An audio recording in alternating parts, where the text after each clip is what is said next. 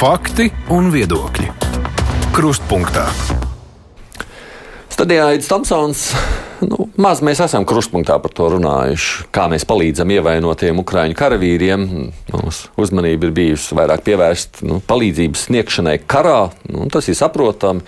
Ukraiņi var cerēt uz savas valsts nosargāšanu, pateicoties ne tikai savai dzimtenes mīlestībai vai patriotismam, bet arī materiālajai, finansiālajai palīdzībai, ko sniedz pārējā pasaule.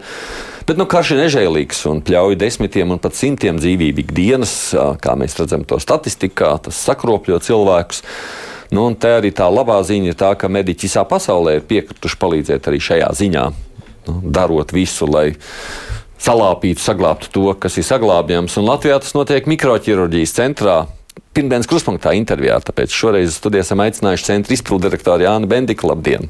Labdien! Vispār kaut kāda statistiski ir uzskaitīta, cik Ukraiņiem Latvijā ir palīdzēts kopš kara sācies? Nu, tas um, tāda. Pavisam precīzi statistika nav, tie ir vairāki desmiti, jo to pacientu nonākšanas ceļi pie mums ir ārkārtīgi dažādi.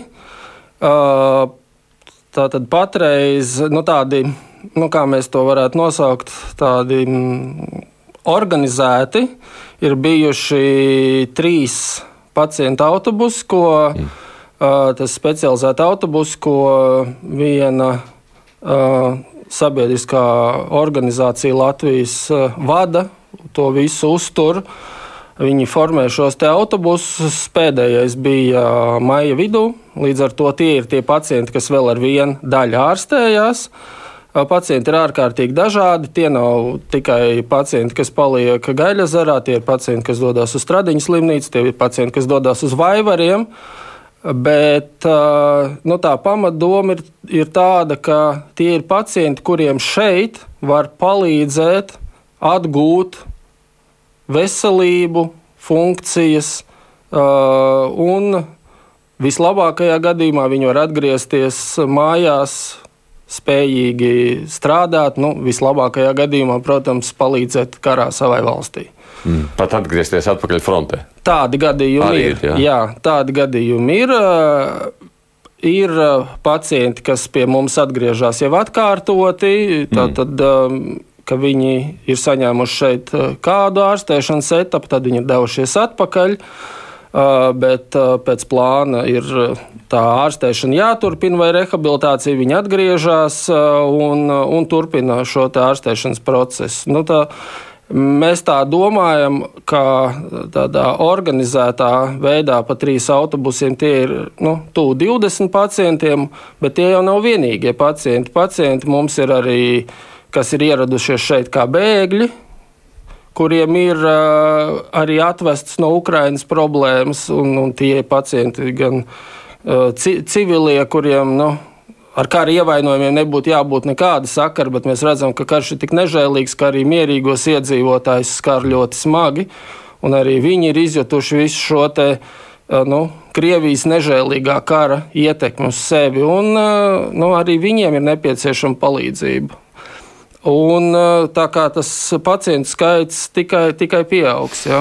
Bet uh, tur ir iesaistīta arī Latvijas aizsardzības ministrija vai bruņotie spēki, kas kaut kādā veidā koordinē vai iesaista? Uh, nu, es, es precīzi no tādā ministrijas līmenī es to, es to nezinu, Jā. protams, bet uh, zinot to situāciju Ukrajinā, kad ļoti ilgu laiku vispār karavīri nebija atļauts izbraukt, ja, tad noteikti kaut kāda koordinācija starp veselības ministriju un turienes aizsardzības ministriju noteikti kaut kādā līmenī pastāv.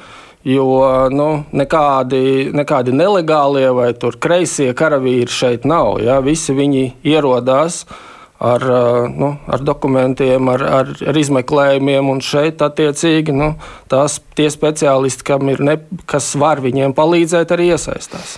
Kā tas notiek? Jums kāds piezvan un saka, ka būs autobuss ar karavīriem? Uh, nu, uh, tā tad šī koordinācija notiek. Uh, nu, ministrijas un slimnīcas atbildīgās amatpersonas jau tur mm -hmm. līmenī.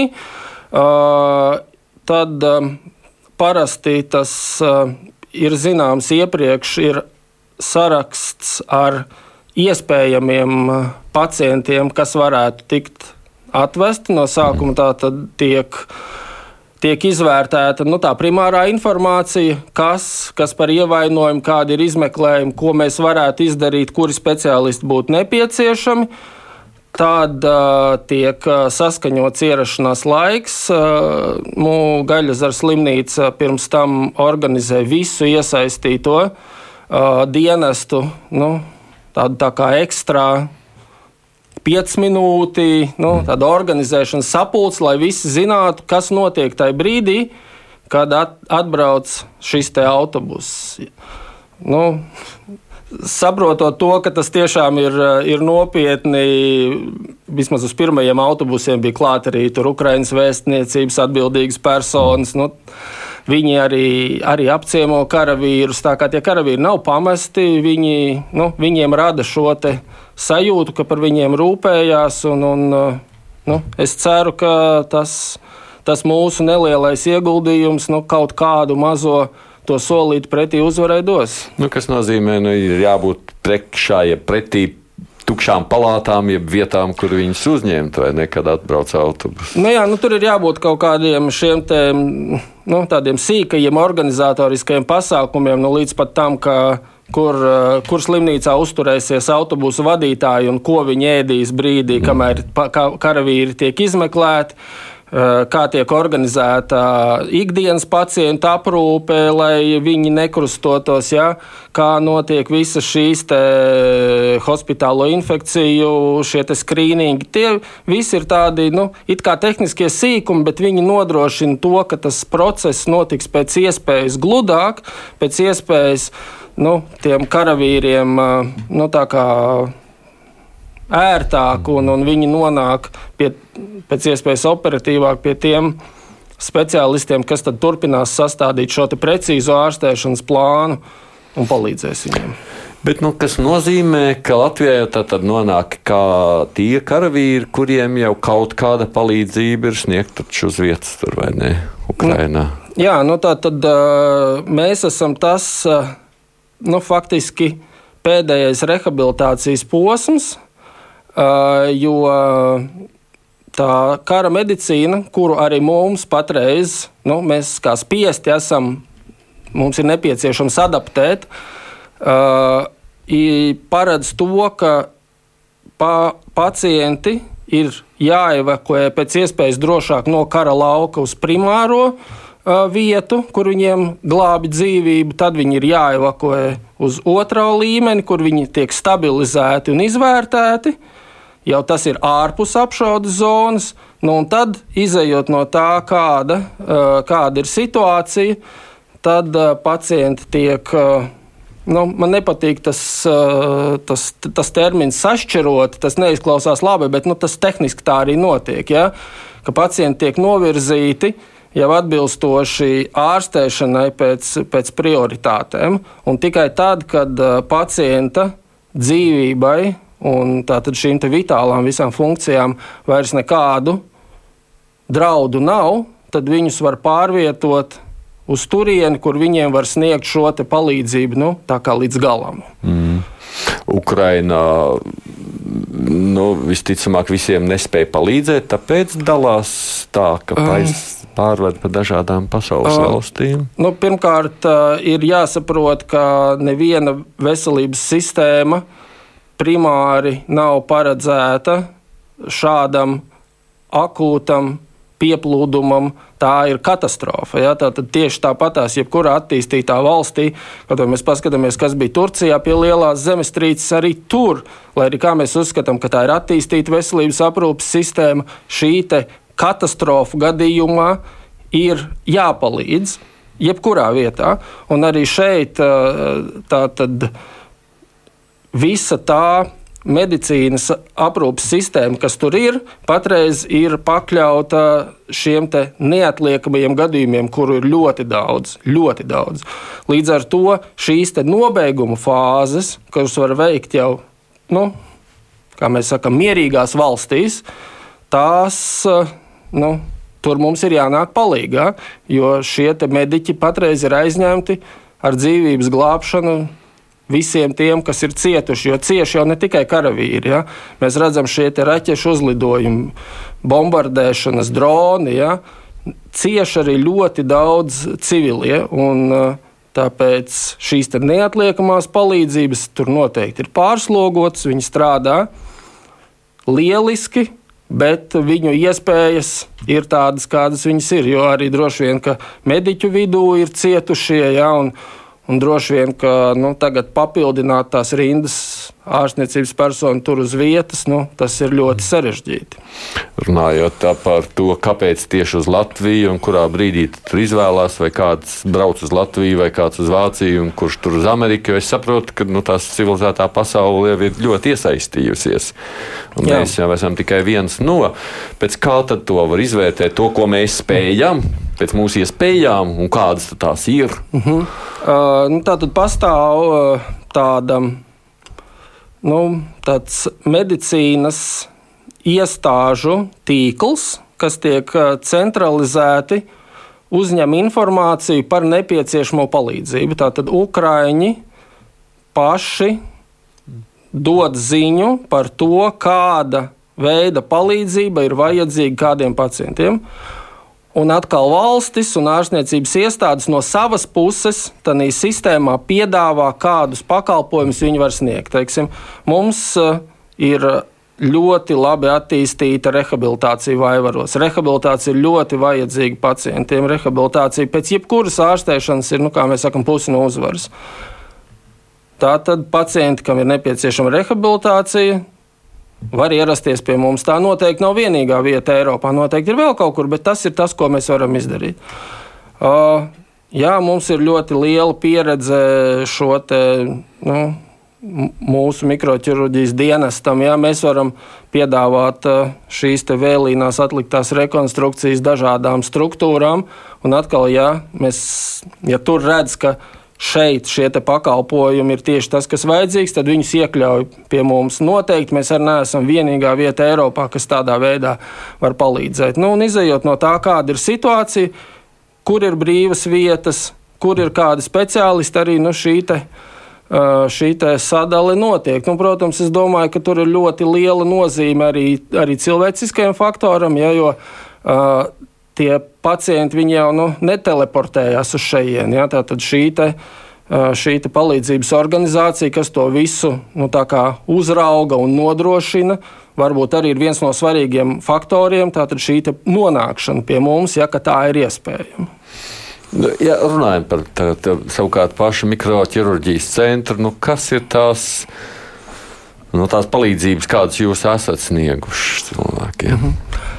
Jā, nu mēs faktiski to varam sadalīt divās, divās daļās. Pirmos pacientus mēs ārstējām jau sākot no 15. gada janvāra, kad faktiski uzskatīt to par karu šeit vēl bija nu, politiski nekorekti. Tad visi vēl tā kā mēģināja izlikties, ka nu, tas tur tāds iekšējs konflikts kaut arī.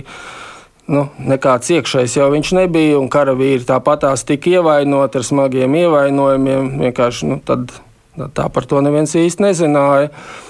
Uh, mēs redzējām, tiešām, kādu postu var nodarīt visa veida ieroči. Pie, nu, tā laikā jau vēl nu, strateģiskās raķetes neizmantoja. Ja? Tā kā, tā kā tad vairāk bija tiešām nu, tādi šauti ievainojumi, bet arī tie nodara milzīgu, milzīgu kaitējumu.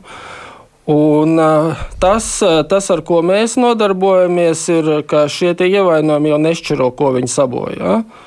Un ļoti bieži pacients, kurš ir izdzīvojis, bet viņam ir problēmas ar teiksim, roku, kāju funkcionēšanu, jo ir um, šie sprākstošie priekšmetu lodes, ir sabojājuši nervus, asinsvadus, uh, mīksti audi Nu, un tad, attiecīgi, šie visi bojājumi ir uh, iespēja robežās vai nu jāatjauno, vai arī jāveic kādas operācijas, kas tuvina šo zaudēto funkciju, nu, tādai, kas, kas palīdz atkal atgūt uh, darba spējas, uh, sevis apkopšanu. Ja? Tas ir reizēm ļoti svarīgi, jo nu, teiksim, cilvēks, kurš, kurš ir pazaudējis rokas funkciju, faktiski ir bez, bezspēcīgs pat, pat sevis apkopšanā. Tas ir ārkārtīgi smagi. Tas nozīmē, ka tas nodrošina uh, nu, to, ka viņam ir nepieciešama aprūpētāja, viņam ir nepieciešama nemitīga palīdzība, un mēs cenšamies pēc iespējas radīt tādus apstākļus, ka cilvēks nu, darbojas pats.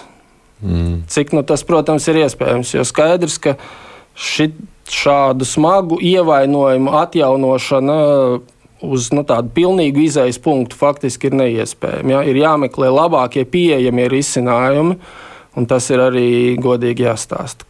Pacienti. Tur ir tādi radoši risinājumi, tiek atrasti nestandarta risinājumi kādreiz. Uh, nu, katrs, katrs ievainojums ir savādāks. Uh, pieejas, droši vien pieredze vienmēr parāda to, kas līdzīgos gadījumos darbojas labāk, kas nedarbojas. Cik ir pagājis, tur ir daudz nozīmīgi faktori, cik ir pagājis laiks kopš ievainojuma, jo ir dažas lietas, ko nevar atjaunot pēc kaut kāda konkrēta laika. Uh, ir vai nav infekcija, iespējams, jāsāk ar tās ārstēšanu. Un, Kāda ir bijusi iepriekšējā ārstēšana, veiksmīga vai neveiksmīga? Tas viss ir summējās, un tāpēc arī faktiski tā būtiskā lieta, ko mēs pamanījām strādājot šos te vēl nu, tā kā pirms tā plaša mēroga kara sākuma, bija laba komunikācija ar Ukraiņas kolēģiem, precīza, cik nu ir iespējams pirms operācijas izvērtēšana, un tādā, nu, lai pēc iespējas efektīvāk un un mērķiecīgāk būtu ārstēšana šeit uz vietas. Mm, par to laiku faktoris arī līdz tam jau aizdomājos, nu, tās iespējas viņu pēc iespējas ātrāk atgādāt uz Latviju vispār eksistē? Nu, mm, principā būtiski ir uh, ievērot to, ka pacientam ir uh, jābūt stabilam, un tikai tad viņi drīkst transportēt. Tas ir tas pamat, pamatprincips. Jo nu, pa, pacients, kurš nav dzīves, bet ar saremontētām rokām, tas ir absolūti nepareizi. Ja? Diemžēl tā ir realitāte. Un, uh, tikai tad, kad skaidrs, ka mūsu darbības, jo tās jau arī nu, ir, tās operācijas ir smagas, ilgstošas, Un, ja pacienta vispārējais stāvoklis to neļauj, tad principā mēs cenšoties palīdzēt, varam tikai to visu pasliktināt vai pat nogalināt cilvēku. Tāpēc arī ir ļoti būtiski, ka tā, šīs vēlīnās rekonstrukcijas notiek stabiliem pacientiem, kam ir nu, pilnībā apzināts tas stāvoklis, ka viņam nav kaut kāda dziļa esoša infekcija, kas pēc tam to visu vienkārši sabojā. Un, Nu, tā, ir, tā ir problēma, kuru nu, risināt simtprocentīgi nevar.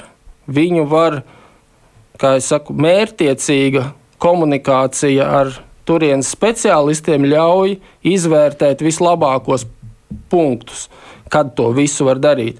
Bet vēl tā visā iejaucās, protams, šis te, uh, nu, tagad jau pilna kara faktors, ja, ka tu nevari tā izvēlēties, kurā brīdī kas notiek. Un tas vēl ir tas viens no tiem, tiem laikiem, kas, kas, kas ir ļoti būtisks. Un arī mēs skatāmies tos pacientus, kas jau ir pie mums. Ne jau pirmajā dienā viņiem uzreiz kāds var mesties virsū ar nāzi. Uh, ir, ir uh, arī šeit uz vietas jāveic ļoti nopietni papildu izmeklējumi, kur nav tur, lai izvērtētu, vai vispār tas mūsu plāns ir realizējams. Ja viņš ir realizējams, tad kurā brīdī Vai to var sākt tagad, vai mums ir jāsāk ar kaut kādu šo nopietnu infekcijas ārstēšanu, lai pēc tam viss tas, ko mēs izdarām, vienkārši nu, nepazūd un paliek tikai sliktāk. Bet, kā jūs teicāt, tā sadarbība ar Ukrāņu ārstiem. Vai kādi no Latvijas dodas uz Ukrajinu, tur uz vietas? Nu, tas ir tāds. Tāds drusciņš interesants jautājums. Ir kolēģi, kas, kas tur brauc, viņi. Nu, faktiski viņi mēģina tur iedzīvināt tādu tā kā sevis radītu sistēmu, jo tai kara medicīnā eksistē nu, tā pa lielam divas tādas, nu, kā lai to saka, domāšanas paveidi.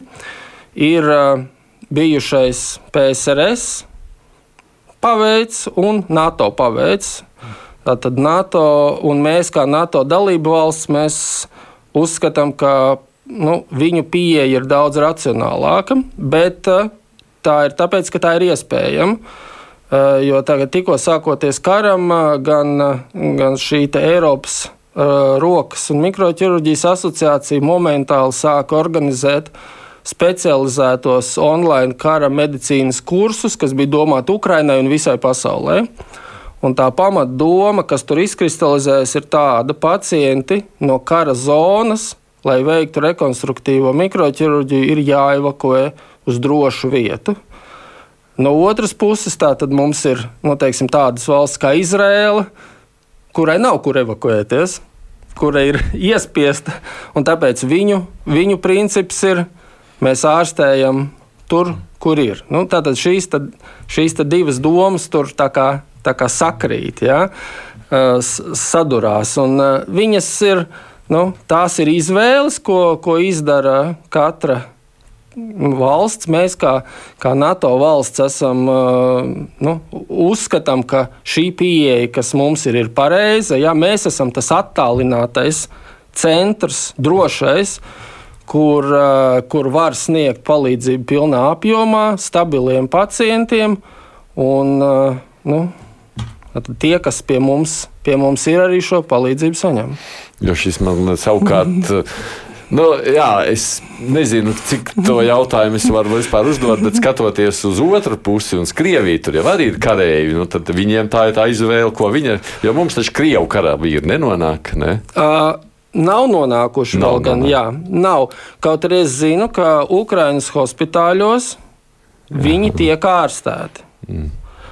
Bet pie mums, pie mums nav. Jā, nu, vismaz es nezinu. Varbūt eh, nu, mē, ne, jau, ne jau mēs kaut kādi vienīgie tur esam uh, palīdzības sniedzēji. Iespējams, ka caur kaut kādiem ceļiem.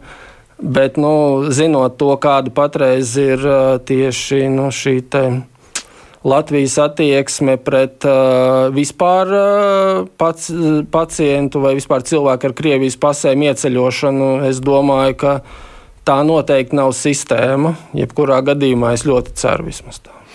Bet uh, tas ir interesants jautājums. Nu, kā jūs ārsts, nāca klāt dzīvību jebkuram, vai ne?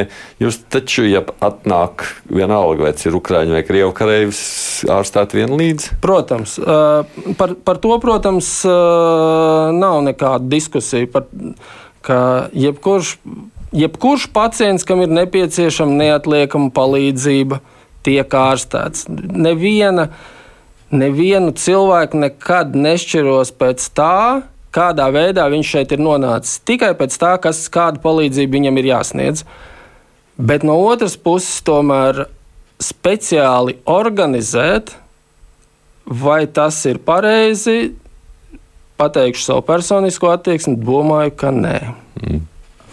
Nu, tā jau arī nenotiek, kā mēs redzam. Mazliet par psiholoģisko noskaņojumu varat izstāstīt, kāds, nu, kāds valda tajā. Nu, jā. Gan palātā, mm. gan arī varbūt ārstu vidū, kas darbojas ar šiem. Um, nu, jā, tur jādala divās daļās. Ir uh, tie karavīri, un, bet vēl vairāk tas attiecās tieši uz civiliem, ko mēs ārstējam. Viņi, īpaši tas bija kara pirmajos brīžos, viņiem nāca līdzi, viņi atveda līdzi šo, šo milzīgo pēctraumas stresa sindromu. Uh, es pat atceros, uh, ka otrais autobus bija atbraucis tieši decembrī, un, uh, pirms jaunā gada. Un, bija, bija tāds nu, lūgums nešaut petardes, jo tas šiem karavīriem izraisīja, neskatoties to, ka viņi zināja, ka viņi ir drošā valstī. Tas viņiem izraisīja milzīgu stresu. Es nesaku, ka visiem. Uh, tie pacienti, kas uzturās ilgāk, nu, Var redzēt, viņi smaida, viņi, viņi ātri apgūst liftu un zina, kur var iet uzpīpēt. Kaut arī tie gaiteņi ir diezgan sarežģīti. Ja?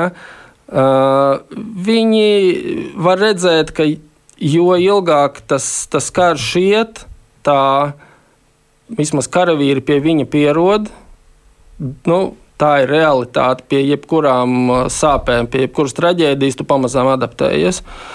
Līdz ar to arī nu, tas, tas, tas noskaņojums ir vairāk pozitīvs, un, un visi cer, nu, runājot ar viņiem, ka izvesaļoties. Jā, protams, ne visi gribētu atkal doties karot, ja, bet lielākoties cilvēki grib atgriezties un viņi grib grib palīdzēt iespēju robežās. Ja, tur ir daudz visādi stāsti, kur es, jā, es nevaru patreiz šaut, bet es varu apmācīt, ja, jo man ir labas zināšanas. Ja, tad es gribu būt derīgs tur. Tas ir pamatnoskaņojums. Nu, tas mums nu, dod, dod spēku dzīvot. Mm. Nu, kolēģi, nu, mūsu kolēģi vienkārši strādā tik, cik, tik, cik tas ir iespējams. Uh, varbūt kaut kur drusciņi gribētos, lai tas process iet ātrāk, jo nu, slimnīcā tāpat ir, ir grūti ar šīm vietām. Ja, jo, jo, jo lēnāk šis process iet, jo, protams, ilgāk tās gultas tiek aizņemtas. Bet, nu, uh, pastāv, pastāv iespējas no, no vienas nodaļas pārvest uz rehabilitācijas nodaļu, no rehabilitācijas nodaļas uz, uz, uz vaivariem. Ja? Tā kā tās iespējas ir, un es domāju, ka nu, tik ilgi, kamēr būs nepieciešams, kolēģi strādās un, un sniegs palīdzību. Bet savu spēju robežās. Šis karš ir atnesis, un, nu, lai arī cik tas neizklausās cīniski, tādu unikālu pieredzi. Jā, nu pieredze, protams, šo te, tas, tas pirmais bija tajā 15. un 16. gadā, kad, kad tu ieraudzīji tur viena gada laikā tik daudz šo smago un, un kropļojošo ievainojumu, cik iespējams iepriekšējos tur, nezinu, gados desmit. Jo nu, nav jau tā, ka, ka pie mums tādu vai līdzīgu ievainojumu nav. Galu galā mums ir ielikumi Mums ir tepat tās kara bāze, un, un arī, arī tur notiek negadījumi. Un, un mums ir uh, petardes, un mums ir uh, šauti ievainojumi, mums ir medību negadījumi, mums ir bebru dambju spridzinātāji. Kas tik mums nav? Ja? Tas, tas, viss, tas viss, bet, protams, ka tādā apjomā, tādā intensitātē. Uh, un patreiz teiksim, ar tik specifiskiem uh, bojājumiem, ar šo augstas enerģijas, uh, šiem masu, faktiski masu iznīcināšanas līdzekļiem, nu, kas tas ir raķete, kas lido dzīvojamā mājā. Nu, tas ir faktiski masu iznīcināšanas līdzeklis. To citādāk nevar šos noziegumus vispār traktēt. Ja?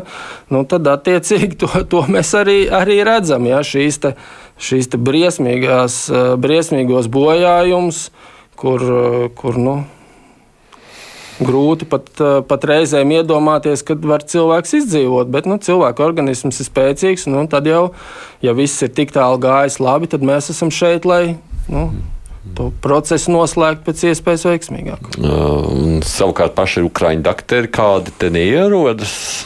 Uh, Ukrāņu dakteri, es zinu, ka Ukrāņu dakteri strādā uh, negluži mikroķirurģijā. Bet dažādās citās specialitātēs es zinu, ka Ukrāņu doktori ir ļoti labi speciālisti. Viņi ļoti labi apgūst latviešu valodu. Mums teik, ne tikai apgūst iespēju komunicēt ar pacientiem, tā kā es domāju, ka. Nu, ja viņi, ja viņi šeit ir un dod eh, nu, kaut kādu pienesumu arī šeit mūsu pacientu ārstēšanai, tas jau ir tikai pozitīvi. Un runājot par šo karavīru ārstēšanu, finansiālais aspekts, kas šo apmaksā? Uh, nu, tā, tā, tā finansiālais aspekts uh, ir uh, pamainījies. Pagājušajā gadā tika izdalīts speciāls fonds, ko apmaksāja slimnīcai ārpus, ārpus um, šī nu, jā, kopējā jā, līguma. Ja? jā. Šogad nu, tā pa lielam tā doma ir tāda, ka šie pacienti ir tieši tādiem pašiem noteikumiem kā Latvijas pacienti. Tātad pacients tiek. Tad mēs, mēs traktējam viņu, ka tas būtu pacients no Latvijas, kas ieradies pie mums ar šādu diagnozi. Un tā viņi arī, arī tiek ārstēti. Protams, viņi tiek uzskaitīti atsevišķi. Ja? Viņiem uh, tur nav jāmaksā pacienta iemaksas, ja? bet, uh, bet jebkurā gadījumā uh, ārstniecības iestāde, nu, mūsu gadījumā tas ir slimnīca Gaļazars, nu, saņem kā par šāda profila pacienta ārstēšanu. Uh, nu, es, es, protams, nezinu, tad varbūt jāprasa. Nu, Precīzāk šiem apmaksātājiem, ja, jo liekas, ka šie pacienti pēc savas būtības ir sarežģītāki vidēji statistiski nekā nu, vidējais pacients, bet nu, jebkurā gadījumā tas Tas viss notiek nu, valsts apmaksātu programmu ietvaros, nu, kas arī ir ļoti būtiski. Ja, mm -hmm. lai, mhm. lai šiem Ukraiņas pacientiem, kas jau tā tik daudz ir cietuši, vēl nebūtu jādomā, kas man tagad kur savākt kaut kādu naudu. Viņi nav par to pārliecināti. Viņi tiešām daudz no viņiem pārjautā, vai tiešām tas tā būs. Ja? Mm. Tā kā nu, mums ir tiešām prieks, ka mēs drīkstam viņiem palīdzēt šai mm. ziņā. Ar šo arī matot tiltu uz tālāko, es tikai atgādinu, ka man šodienas sarunas biedrs intervija ir ar Latvijas mikroķirurģijas centra izpildirektoru Jāni Bendiku. Raidījums Krustpunktā. Es no to jautāju, jo es šeit saņemu zvanus vai vēstules, sakot, nu, re, Ukraiņiem palīdzam un paši sev līdz ar to apdalām, sakot, ka tad pašiem paliek mazāk. Kā jūs uz šo pārmetumu reaģējat? Uh, nu, primāri mēs, mēs nereaģējam. Primāri mēs ārstējam pacientus. Par laimi tieši mums tādu zvanu nav. Mēs, mēs ļoti ceram, ka nu, vismaz ārstiem pārmest to, ka viņi dara savu profesionālo darbu, būtu nu, ļoti, ļoti, ļoti dīvaini. Otrs ir tas, ka šis neatliekamais mikroķirurģijas dienests, kas strādā Gaļa zarā, strādā tieši tāpat, kā ir Ukraiņas karavīri vai nav Ukraiņas karavīri. Uh, visi pacienti, kas neatliekami atbrauc, vai tas ir 6, 8 vai 10 dienā, kā reizēm gadās, nu pat tās pārlasīja pāris pēdējo dežūru atskaites. Ja, tur, tur tiešām pacienti ir ļoti daudz, visi tiek apskatīti, diagnosticēti, izoperēti un pēc iespējas ātrāk izrakstīti atkal rehabilitācijai ārpus slimnīcas. Tas ir mūsu šī pamatdoma, ka pacients uzturas slimnīcā tikai tik ilgi, kamēr tas ir vitāli nepieciešams. Visu pārējo var paveikt ārpus slimnīcas. Līdz ar to nevienam Latvijas iedzīvotājam nav ne mazāko nu, teiksim, tā, šaubu par to, ka tāpēc, ka kāds ukrāņu pacients tiks ārstēts, viņš tiks aizmirsts un vispār neizārstēts. Ja? Faktiski, nu, ja mēs tā, tā godīgi paskatāmies, tad šo ukrāņu pacientu ārstēšanu faktiski ārstiem ir drusciņi virsstundas, drusciņi ārpus viņu kopīgo šo pienākumu veikšanas, bet no mūsu kolēģiem nav par to saņemta neviena sūdzība, ka viņiem kāpēc tā, kāpēc man tas tagad jādara. Ir. Tā kā es esmu kā, kā centra izpildu direktors ārkārtīgi pateicīgs visiem kolēģiem, kas ir iesaistījušies, jo tur nu, ir ne tikai medicīniskas dabas jautājumi, tur ir visas organizatoriskie jautājumi. Tas ir meklēt, meklēt iespējas pēc iespējas operatīvāk veikt viņiem nepieciešamos izmeklējumus. Tas ir atrast stundas, kad var šīs operācijas veikt. Un tās reizēm nevis sākās astoņos no rīta, kā būtu ērti. Viņas reizēm sākās divos, trijos dienā, un operācijas iet līdz septiņiem, astoņiem vakarā. Bet, jebkurā gadījumā, tas ir, nu, to mēs uzskatām par savu pienākumu. Un uh, tik ilgi, kamēr uh, nu, tas būs no mums nepieciešams, mūsu kolēģi šo darbu darīs. Mhm. Jebkurā gadījumā neaizmirstot nevienu Latvijas iedzīvotāju, kam būs nepieciešama neatliekamā palīdzība. Jo tādi gadījumi jau kādreiz, kādreiz bija. Es par saviem kolēģiem tiešām esmu ļoti lepns, kad bija 14. gadā, kad sabruka Maksima. Tad uh, es uh, vēl pēc pēc pusotras stundas nolēmu uzzināt, kas notiek slimnīcā. Izrādījās, ka puse manu kolēģu bez nekāda vispār ne rīkojuma, ne aicinājuma jau bija slimnīcā un gatavojās palīdzēt šiem daudzajiem ievainotajiem, kas, kas tikai nāca un nāca. Ja, tā, tā bija tāda katastrofas diena, kurā mēs mobilizējām spēkus faktiski bez nu, bez, bez neviena vispār tad, tad ir tā kā paša iniciatīva. Ja? Un es domāju, ka jebkurā gadījumā, ja kaut kas tāds notiks, visi kolēģi būs uz vietas un strādās tik, cik tas ir nepieciešams. Par laimi šādi gadījumi ir reti. Uh, Bet eh, nu, tas neizslēdz to, ka viņi tādi var būt arī nākotnē. Nu, mums jau vispār tādā ziņā ir runājama par stacionārās palīdzības sniegšanu, neatliekamās palīdzības sniegšanu Latvijā. Visiem, kam tā ir nepieciešama, tiek sniegta, bet eh, nu, iespējams tur var būt problēmas ar rehabilitāciju, kad mēs sakām, nu, redz, mēs tur gaidām rindā, jo tur jau kvotas ir un tās iespējas ir tādas, kādas ir. Uh, jā, bet tā, tā problēma ir drusciņā cita šajā gadījumā. Uh, pacienti, kuri netiek pie pakalpojumiem, ir eh, nu, tādi.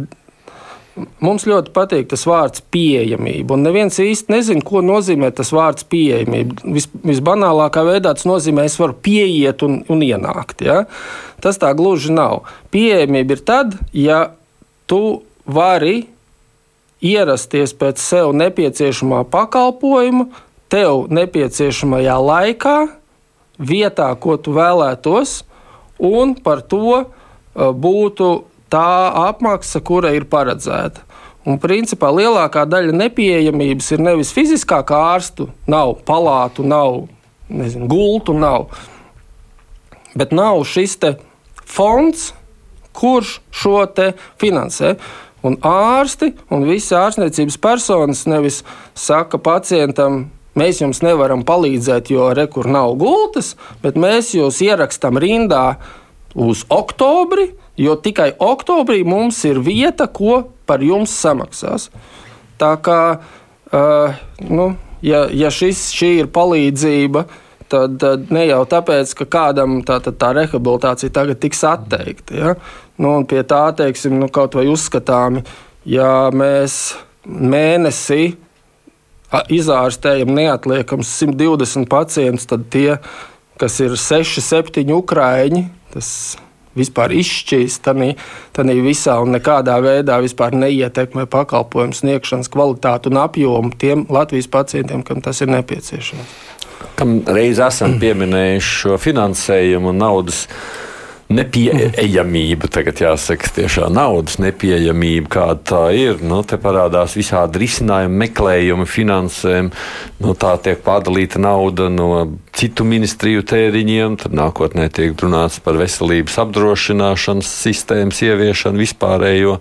Kur jūs redzat, kāds ir risinājums šai mūžīgai problēmai, kādu mēs gadu gadiem risinām? Uh, nu, tas jautājums par miljonu, kā parasti. Jā, dabūt miljonu. Uh, ir, ir tāds, nu, tā kā cilvēki tic, ka finansēšanas sistēma rada finansējumu. Finansēšanas sistēma pati par sevi nerada finansējumu. Kādreiz man bija diskusija ar vienu ļoti, ļoti lielas slimnīcas vadītāju, un tad bija tieši viena no stacionāru apmaksas modeļu maiņām, un es teicu, redz, kā tagad būs labi pēc jaunās sistēmas, tur izskatās, ka būs ļoti labi tarifi. Viņš teica, Jāni, tu zini, man ir pilnīgi vienalga, pēc kuras sistēmas mums nemaksā. Ja? tā tad pati sistēma nerada naudu. Um, tā ir uh, politiska izšķiršanās par uh, vērtības apzināšanos. Tātad, ja mums ir uh, iekšēji doma, ka pacientam, kam ir nepieciešama palīdzība, tā ir jāsaņem, tad primārā doma ir izdomāt, kas ir tas, kas viņam traucē. Un patreiz lielākais traucējums ir šis finansējuma trūkums. Un te, es domāju, ka mums, mēs stādām nu, ļoti tādus nelielus, faktiski seklus mērķus. Sameklēt tur 20 miljonus, sameklēt tur 30 miljonus. Es domāju, ka tam lielajam mērķim ir jābūt tādam, ka pacientam, kam ir nepieciešama ārsta nozīmēta medicīniskā palīdzība, nedrīkst būt finanšu šķēršļu šai palīdzības saņemšanai. Viņas var būt citi, protams, eh, var būt nepietiekams eh, personāla daudzums, var būt nepietiekams operācijas zāle. Viss kaut kas drīkst būt. Ja? Bet viņam nedrīkst atteikt palīdzību saulēcīgu, finansiālu aspektu pēc, jo tas ir tas, ko mēs varam ietekmēt. Mēs varam piešķirt tik daudz finansējumu, cik, cik tas ir nepieciešams. Un, ja mēs to nevaram, tad jebkura sistēma uh, vienkārši nu, izgaismos to tādā vai citādā veidā. Jo patreiz uh, Es zinu, ka tātad es esmu izlasījis Latvijas ārstu biedrības darba grupas gala ziņojumu. Uh, un paralēli tātad notiek veselības ministrijas darba grupas ziņojums. Abi ir par šo te, uh, reformu uh, un finansēšanas kārtību. Ja? Bet uh, ārstu biedrības ziņojumā skaidri un gaiši ir uzrakstīts, ka reforma pati par sevi papildus līdzekļus nerada. Papildus līdzekļi uh, var rasties nu, divos veidos. Piešķirot vairāk naudas, vai arī otrs, kas, ar, nu, kas, uh, kas teiksim, ārstu biedrības izpratnē ir nepareizi, bet samazinot vai nu sniegt to pats pakalpojumu daudzumu, vai arī uh, klientu daudzumu. Tātad, ja jums ir pie galda uh, par maz vietas, kur ēst, jūs vai nu taisat lielāku galdu, vai samazinat ēdāju skaitu. Uh, tas, kas, kas mani uztrauc, ir tas, ka. Uh, ja tā tad iesim to ceļu, kas ir šo ēdāju skaitu samazināšana, tad ārstniecības iestādes būs tās, kas iznesīs šo smagumu, stāstot, kāpēc jums kaut kas nepienākās, jo tie būs lēmumi, ko mēs nebūsim paši pieņēmuši. Nu, protams, tas ēdāju skaits samazinājums ir kaut kāds nu, nodokļu nemaksātāji vai tādi. Jā, jā tur pat, pat, ir, pat ir prezentācijas, kur viņi ir uzskaitīti. Jā, tās, kas mums patreiz ir tās vis, visaktuālākās grupas. Tā tad ir veseli tuvu simts tūkstošiem nekur nereģistrētu, nestrādājošu personu. Vēl simts tūkstoši ir strādājoši un sociālo nodokli nemaksā, nemaksājošie. 200 tūkstoši uh, izbraukuši vai neizbraukuši uz ārzemēm. Nu, tad ir šīs problēmu grupas, kuras izrādās priekš Latvijas nu, drusciņi zem diviem miljoniem, nav nemaz tik mazs skaits. Un ar viņiem tā vai citādāk, bet ārzniecības iestādēm būs jāsaskarās. Protams, ka uh, ja šis ceļš tiks, tiks izvēlēts, jā, nu, Mēs jau strādājam tikai pēc tiem noteikumiem, nu, kādi ir pieejami. Ja? Bet eh, nu, šis, te, šis te, nu, sloks noteikti būs tieši uz ārstniecības iestādēm. Tātad šī te, um, nu, nodokļu, nodokļu iekasēšanas skaidrošana. Jo es domāju, ka patreiz ir pietiekoši daudz eh, cilvēku, kas nav pat, pat informēti, ka var gadīties situācija, kurā viņi Nav, nav iekšā. Bet runājot par šo iespējamo veselības vispārējo apdrošināšanas sistēmu, kolēģei rīt par to būs raidījums. Tā kā droši vien, ka izvērstāk tad rīt, bet nu, tas jau arī kaut kādā mērā ir stāsts par regulētājiem pie galda, vai ne tā? Jā, protams. Uh, nu, vispār pasaulē nav ideāla veselības aprūpas finansēšanas sistēma. Ja viņa būtu viena visideālākā, tad droši vien visi viņu lietot. Ja? Ir, ir daudz. Um, nu, šo vēsturisko saišu. Ja, teiksim, Vācijā šī slimo kasu sistēma, kas vēl no Bismarka laikiem, kas tajā laikā bija ārkārtīgi progresīva. Uh, nu, ļoti daudz, ja tādā Anglijā šis NHS sistēma, Amerikā absolūta maksas medicīna, ja? Nīderlandes modelis, ko mums te kādreiz Latvijas banka mēģināja tā kā nu, bīdīt, ja? kas Mm, bet visas, un, protams, mēs gribam atsaukties uz tām valstīm, kur, kur ir laba medicīnas aprūpe. Ja? Bet mums ir, ir jāsaprot, ka ja mēs tērējam uz vienu pacientu Latvijā 1400 eiro plus mīnus, un ir valstis kā Luksemburga un Nīderlanda, kur tas ir pār pa 600, tad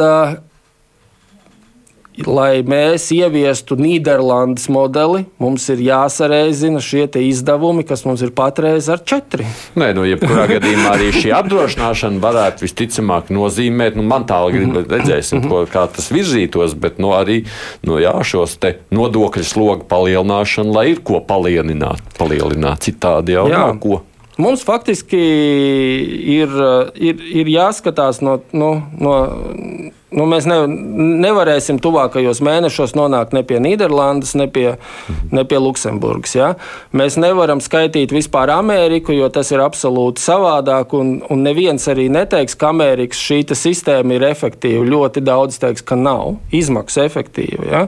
Kaut arī tur ir ārkārtīgi augsts kvalitātes medicīnas aprūpe, bet nu, par, par summām, kuras mēs vispār nestādamies priekšā, ka viņas tādas ir. Uh, mums ir jāskatās uz, uh, uz kaimiņiem, un uh, tas ir nu, jebkurā gadījumā gandrīz 1000 eiro uz pacientu mums ir mazāk. Un tā gan ir politiskā izšķiršanās, jo ir lietas, kuru summu mēs nu, nekādīgi nevaram izmainīt. Mēs varam, nu, man, man ir tāda sajūta, ka kā tajā senajā stāstā vai Vai var izdarīt tā, ka govs ēd mazāk un vairāk dod piena, ja, kā par mūsu medicīnu? Atbilde ir, ka var tā izdarīt, tikai mazāk ir jābaro un biežāk jāslauc. Nu, lūk, un šeit ir tas pats. Mēs gribam saņemt investējot 1400 eiro uz pacientu pakalpojumu, kas ir vērts 2,5-3 tūkstošus. Un to var izdarīt tikai kaut ko neapmaksājot vai radot ilūziju, ka tas pakalpojums ir, bet īstenībā viņš ir pēc gada. Mm. Nu, vienīgais, jā, lai mēs paši saprastu. Tā, runājot par mikroķirurģijas centru, jūs esat privāta klīnika vai ne? Jūs Jā, mēs, mēs valsts. esam privāts uzņēmums no 2000. gada. Uh, vispār vēsture visa iet no 85. gada, kad uh, tika izveidota specializēta nodaļa. Tā laikā bija katrā Padomju Savienības republikā jāizveido mikroķirurģijas nodaļa pēc slavenā rīkojuma trīs astotnieki. Mm. Nodaļa izveidoja, viņi strādāja kā nodaļa līdz 2000. gadam, no 96. gada jau pat kā valsts mikroķirurģijas un rekonstruktīvās ķirurģijas centrs. Nu, 2000. gadā mēs, mūsu kolēģi nu, nolēma, ka ka šī valsts sistēmā viņi savu vietu neredz vairāk. Jo lielākā daļa no šī pirmā iesaukuma kolēģiem devās ārkārtīgi pieprasītā kosmētiskās ķirurģijas lauciņā, ar kurā veiksmīgi darbojās līdz šim brīdim visi faktiski. Un tie, kas, kas palika, tie nu, nolēma, ka, ka strādājot paši savā uzņēmumā, uh, un, un uzņemoties šos organizatoriskos un vispārējos riskus, viņi grib strādāt privāti. Tas, protams, tajā laikā bija absolūti nu, nestandarta gājiens, tā varētu teikt. Ja? Bet, uh, sadar... nu, ja drīkst teikt, tā kā valsts šantažējāt, teicāt, nu, jūs nevarat samaksāt, mēs taisām savu stāstu. Nē, nu, mēs nevis valsts, valsts nevar samaksāt, bet uh, nu, tās algas. Es, es tajā laikā vēl biju students, rezidents. Es ļoti labi zinu, ka, ka rezidenta alga bija 40 lati, nu labi, ne eiro, lati. Ja? Un tā ārsta alga bija kaut kāds simtnieciņš apmēram. Ja? Nu, par to nu, tika uzskatīts, ka tas tas, tas, tas nav perspektīvi. Un, protams, ka tajā brīdī nu, varēja arī notikt tā, ka, ka uzņēmums būtu strādājis pilnīgi atsevišķi. Un, un nekādas, nekādas mikroķirurģijas Latvijā nebija, bet izrādījās, ka uh, slimnīcā un, un mikroķirurģijas centrs var vienoties par savstarpēji adekvātu sadarbību. Tā tad, uh, no tādām darba tiesiskām attiecībām pārgāja uz finansiāli nu, caurspīdīgām līgumiskām attiecībām. Nu, tās sadarbības formas pa šo laiku ir transformējušās un mainījušās, bet jebkurā gadījumā mēs kā sadarbības partneris gribētu turpināt uh, šo sadarbību, ja tas ir pasūtītājiem, kas šajā gadījumā ir Austrum Klīniskā universitātes slimnīca, mm. ir nepieciešams. Bet, ja drīkst, vienkārši mums drīz to sarunu jābeidz, no, no vienas puses jūs piespiedāt, būdam mikroķirurgi, faktiski ir piespieduši valsti samaksāt adekvāti. Uh, nu, ja tā drīkst sacīt, uh, bet te ir arī citi ārsti, kas nav to spējuši vai varējuši izdarīt, nu, tāpēc, ka viņi ir vairāk, tāpēc, ka iespējams to tā vienkārši nevar visu izdarīt. Bet nu, šis būtu veids, nu, kad aktieri var piespiest valsti. Uh, tas uh, nu, var arī tā, protams, uh, traktēt, bet uh, tajā laikā bija ļoti svarīgi pierādīt ves, uh, Tad viņi saucās VAVA, veselības aprūpes obligātā, nu, to seja grūti aģentūra. Jā. Jā. Ka tātad kādi ir reālās izmaksas par katru veikto darbību? Un tā tad mēs centrs uz. Veica pilnu auditu. Tieši tas, kas teiksim, patreiz būtu jādara, iekļaujot jaunas manipulācijas, mēs tad tādas sistēmas nebija. Mēs paši veicām šo auditu. Uh, cik kurai manipulācijai ir minūtes, cimdi, māsas, eh, šķirce, visu, visu, visu, visu saskaitījām. Izrēķinājām pēc viņu metodikas, kā viņi to dara, mm. un iesniedzām, plus vēl eh, tātad uh, zvērinātu, revidentu apstiprināts ziņojums, ka mūsu aprēķini atbilst metodoloģijai. Vova apskatījās un teica, jā, jūs esat pareizi sarēķinājuši.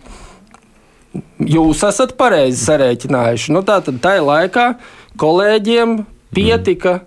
Nu, drosmes, iniciatīvas to izdarīt. Jūs tā kā iedrošināt citus mediķus mēģināt līdzīgi? Uh, ir bijuši, mums ir nākuši prasīt padomu, mums ir nākuši palūgt uh, šo te ziņojumu. Jā, mēs, es zinu, es pats esmu kopējis un devis jā, šo te. Uh, mēs, kad sākām strādāt kā atsevišķs uzņēmums, mēs uzlikām sev divus, divus galvenos uzdevumus. Viens ir strādāt kvalitatīvi, un otrs ir aizliegt jebkādus pacientu maksājumus. Un tajā laikā mēs iedzīvojamies tik daudz ienaidniekos, jo tas ir lauza sistēmu. Uh, nu, jāsaka, godīgi, tajā laikā tā bija sistēma. Mm. Un mēs dabūjām tik daudz nedraugus, jo mēs mācījām pacientus, ka to nedrīkst darīt. Agresīvi darīt. Nu, par šo īstenībā vispār būtu vērts vienu atsevišķu diskusiju uzrīkot, un es to lieku sev aiz auss, sakot paldies Latvijas mikroķirurģijas centra izpildirektoram Jānim Bendikam, ka atnācāt šeit uz studiju. Paldies jums! Un paldies. daudz laimes dzimšanas dienā šodien. Jānim Bendikam šodien ir dzimšanas diena. Paldies liels!